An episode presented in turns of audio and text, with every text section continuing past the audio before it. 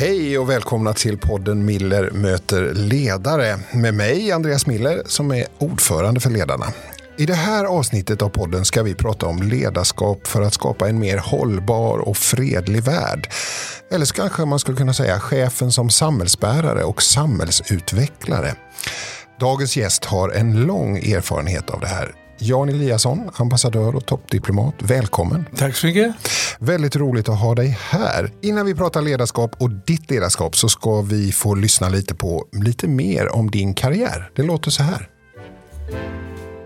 Jan Eliasson är en välkänd svensk och internationell diplomat. Han var vice generalsekreterare i FN 2012 till 2016. Dessförinnan var han bland annat Sveriges utrikesminister och ordförande i FNs generalförsamling. Under sin långa diplomatkarriär har Jan Eliasson även innehaft positionen som Sveriges ambassadör i Washington, kabinettssekreterare och FN-ambassadör.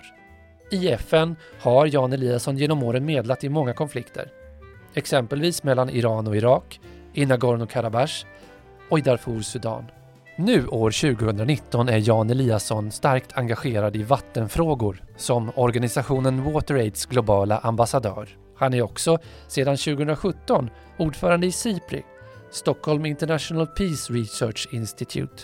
Samma år, 2017, blev han också tilldelad svenska regeringens finaste medalj för sitt livslånga och oförtröttliga arbete i fredens och de mellanstatliga relationernas tjänst, både som företrädare för Sverige och som representant för Förenta Nationerna. Och så är du här idag. Ja, ja. det kröner min karriär.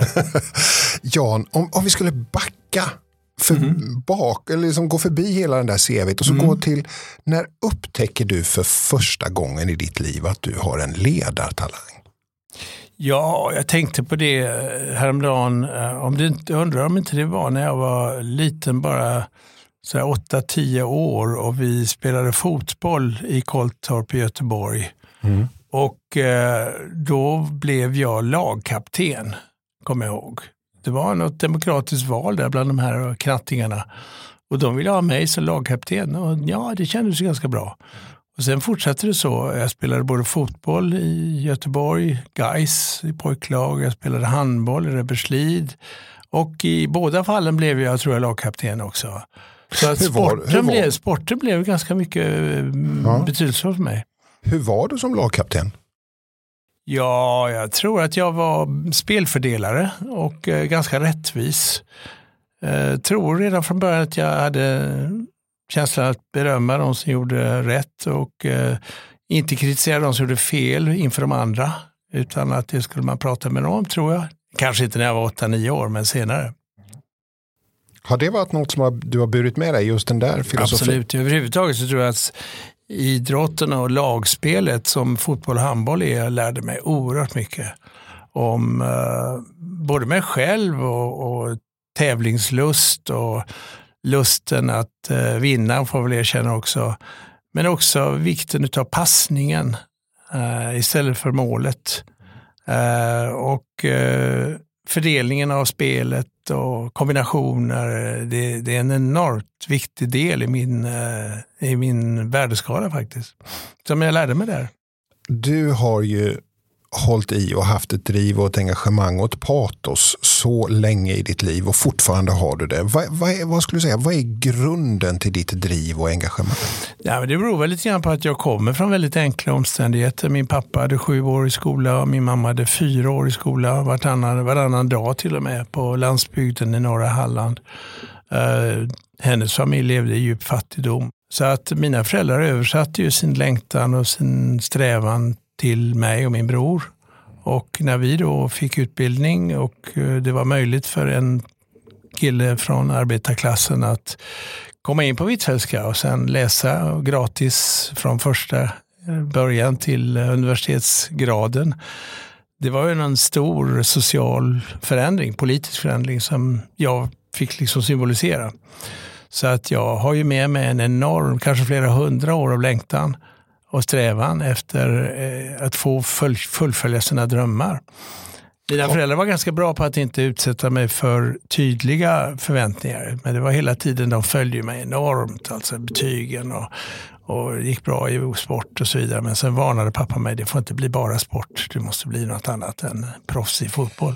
Men du, längtan är ju ett vackert ord. Ja. Eh, revansch kan också vara det, men finns det någon revansch i det här? Eller finns det någon liksom... Nej, jag har ingen eh, läggning för bitterhet. Eh, I och för sig känner jag att eh, det var väldigt tragiskt att mina föräldrar som var oerhört begåvade inte fick chansen att utveckla det på annat sätt än genom att bara ge all sin kärlek och mm. omsorg om oss när vi växte upp, min bror och jag.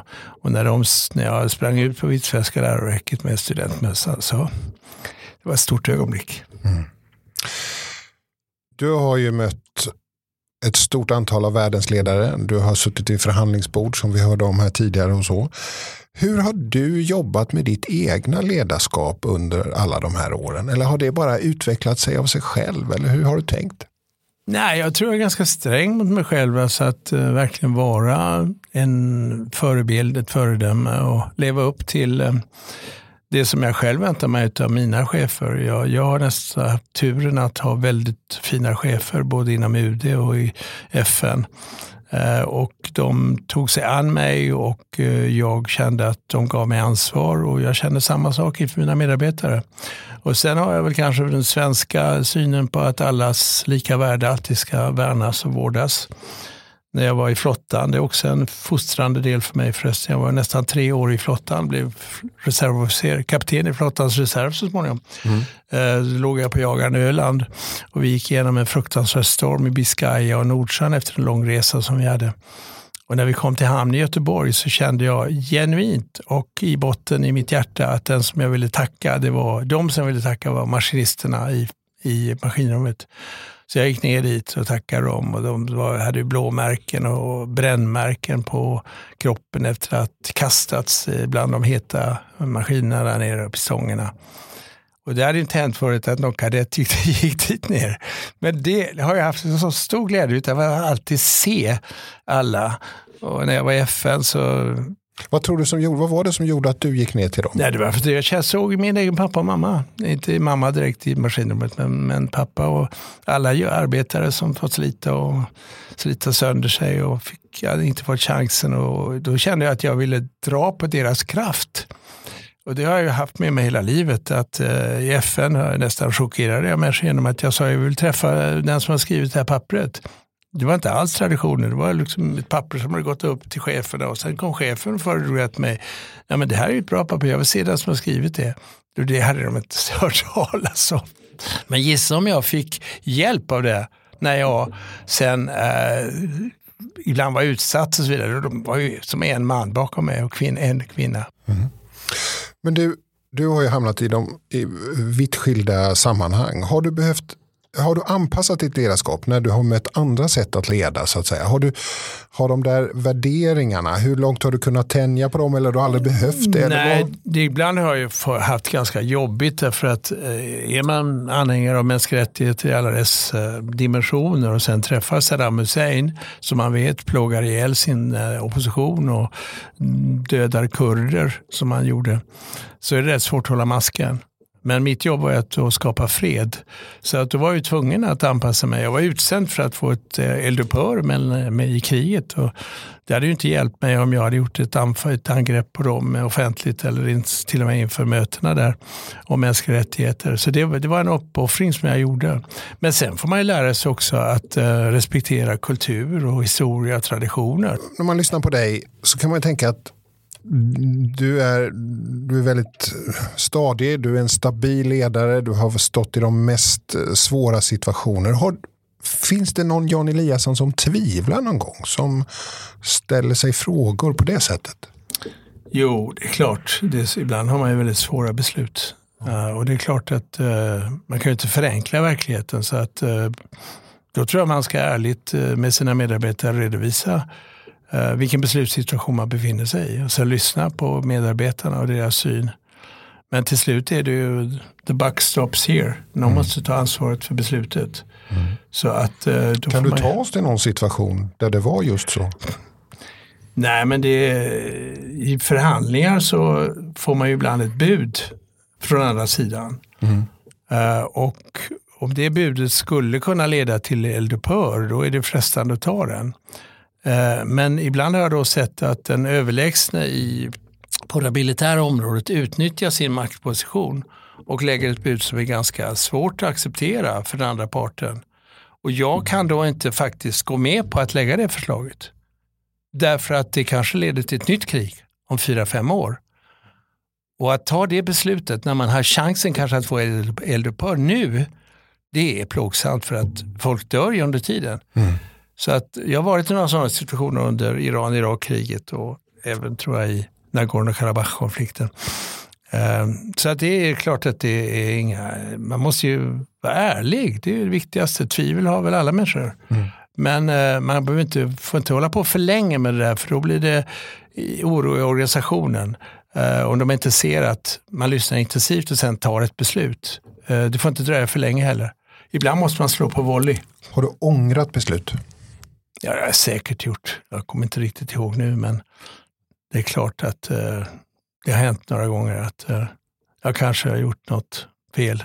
Eh, ja, nej, det, jag kan inte komma in på det just nu. Jag kan inte på något, något exempel, men jag erkänner att jag säkerligen någon gång jag tänker efter var det här rätt. Men jag har, jag har en förmåga jag är väldigt glad över. Det är att jag tror att jag alltid talar sanning. Och talar man alltid sanning så somnar man ganska lätt på kvällen. Eh, den som slirar på sanningen ligger och funderar på vad han har sagt till olika personer. Det sa alltid min mamma. Eh, tala alltid sanning, du behöver inte hålla reda på vad du har sagt. Så att eh, hela tiden gäller det att vara ärlig. Men jag tänker samtidigt, visst även om du talar sanning så har du fattat ett oerhört svårt beslut. Att inte ja. gå med på den här vapenvilan ja. utan faktiskt fortsätta förhandlingarna. Mm. Och då mm. vet du att ja. människor dör under tiden. Ja, ja precis. Så även om, san, även om du talar sanning så menar jag så kan det vara oerhört svårt. Jo, precis, precis. Nej, men det är ett moraliskt dilemma man har. Alltså, mm. Kort sikt kanske vinst men på lång sikt förlust. Vi har varit med om ett år där en 16-årig tjej satte sig på Mynttorget och förändrade en stor diskussion i världen om klimatfrågan. Greta Thunberg. Vad tänker du om det? Ja, det är fullständigt fantastiskt. Eh, denna lilla flicka som sitter där ensam mot eh, väggen i höstrusket i Stockholm för lite över ett år sedan. Nu så får hon miljontals människor ut på gatorna, unga människor inte minst. Eh, det är fantastiskt att man eh, ser en person som trycker på knappen i precis rätt ögonblick. Tala om timing. Eh, det fanns ett uppdämt, ett uppdämd oro för klimatfrågan och hon tryckte på den knappen och nu väller det fram och det är en kraft utan like. Hon är väl den mest kända svenskan nu. Mm. Men vad tänker du då som har jobbat i de internationella systemen så länge och varit med och tagit fram globala mål för hållbar utveckling och det har inte gått så bra som det borde ha gått. Och, och, och så. Vad, vad, säger det om det politiska systemet? Att man inte rår på den här frågan för en, ja nu vet vi inte om vi gör det ändå, men en 16-årig tjej som får oss att vakna upp. Ja, det, det, det, är, en, det är en, en påminnelse om att vi ska arbeta på ett nytt sätt tror jag. Vi eh, måste mobilisera alla goda krafter i dessa tider vi måste se till att internationella organisationer och regeringar verkligen gör det som folk vill se och se hända. Men i FN är det klart vi led ju av att vi begränsades av eh, suveränitetens krav så att säga. Vetorätten i säkerhetsrådet gjorde ju att jag inte kunde göra någonting åt min fullständiga frustration och vrede över att Syrienkriget fortsatte. Och eh, det berodde ju då inte på FN som idé utan det berodde ju på att stormakten hade bestämt sig för att de skulle ha rätt att lägga veto mot eh, att stoppa ett krig. Och det, de begränsningarna finns ju. Och sen tycker jag också Eh, på något sätt måste man förstå att vi ska ta bort gränsen mellan nationella och internationella. Klimatfrågan är ju en, gräns, en fråga där du inte kan dra en gräns mellan hemma och ute. Samma sak gäller migration. Det är ju helt enkelt logiskt ohållbart att tro att, man kan, att det är en nationell eller nationell, internationell fråga. Det är både och. Det innebär att politiken måste också se till att världen kommer in i eh, våra överväganden och just nu är det i världen en tendens tyvärr att se omvärlden som ett problem. Varor som kommer in är ett problem, idéer som kommer in är ett problem och människor, flyktingar, migranter är ett problem för många. Så att eh, vi lever i en tid nu där vi verkligen måste eh, ta ett nytt grepp och arbeta för att mobilisera goda krafter och där tycker jag Greta har gjort en fantastisk insats. Men hon har också tryckt på en knapp där det är känslighet. Jag trodde aldrig i mitt liv att man skulle se sådana motsättningar i klimatfrågan. Möjligen i migrations och flyktingfrågan, men i klimatfrågan, det ju handlar om ansvar för planeten och vår framtid, barnets framtid. Men det är så att, Vad är det som har överraskat dig mest? Jo, det är att människor tydligen känner att klimatfrågan kan leda till att hota vår livsföring och vår, våra normala vanor, våra jobb kanske också. Vilket jag tror är fel. Men eh, det är intressant hur klimatfrågan också blivit eh, ganska kontroversiell. När du tittar på, histori- tittar på din karriär och tittar på den utveckling och där vi befinner oss nu. Vad, vad är det som har gjort att vi hamnade här? Vad tänker du om det? Ja, i och för sig så ser jag ju många problem. Och min fru brukar säga att jag alldeles för ofta gör värsta fall-scenarios. Och jag måste säga att jag har dämpat min optimism något under senare år. Jag brukar nu kalla mig en bekymrad optimist. Men jag är ännu inte en pessimist som inte gett upp.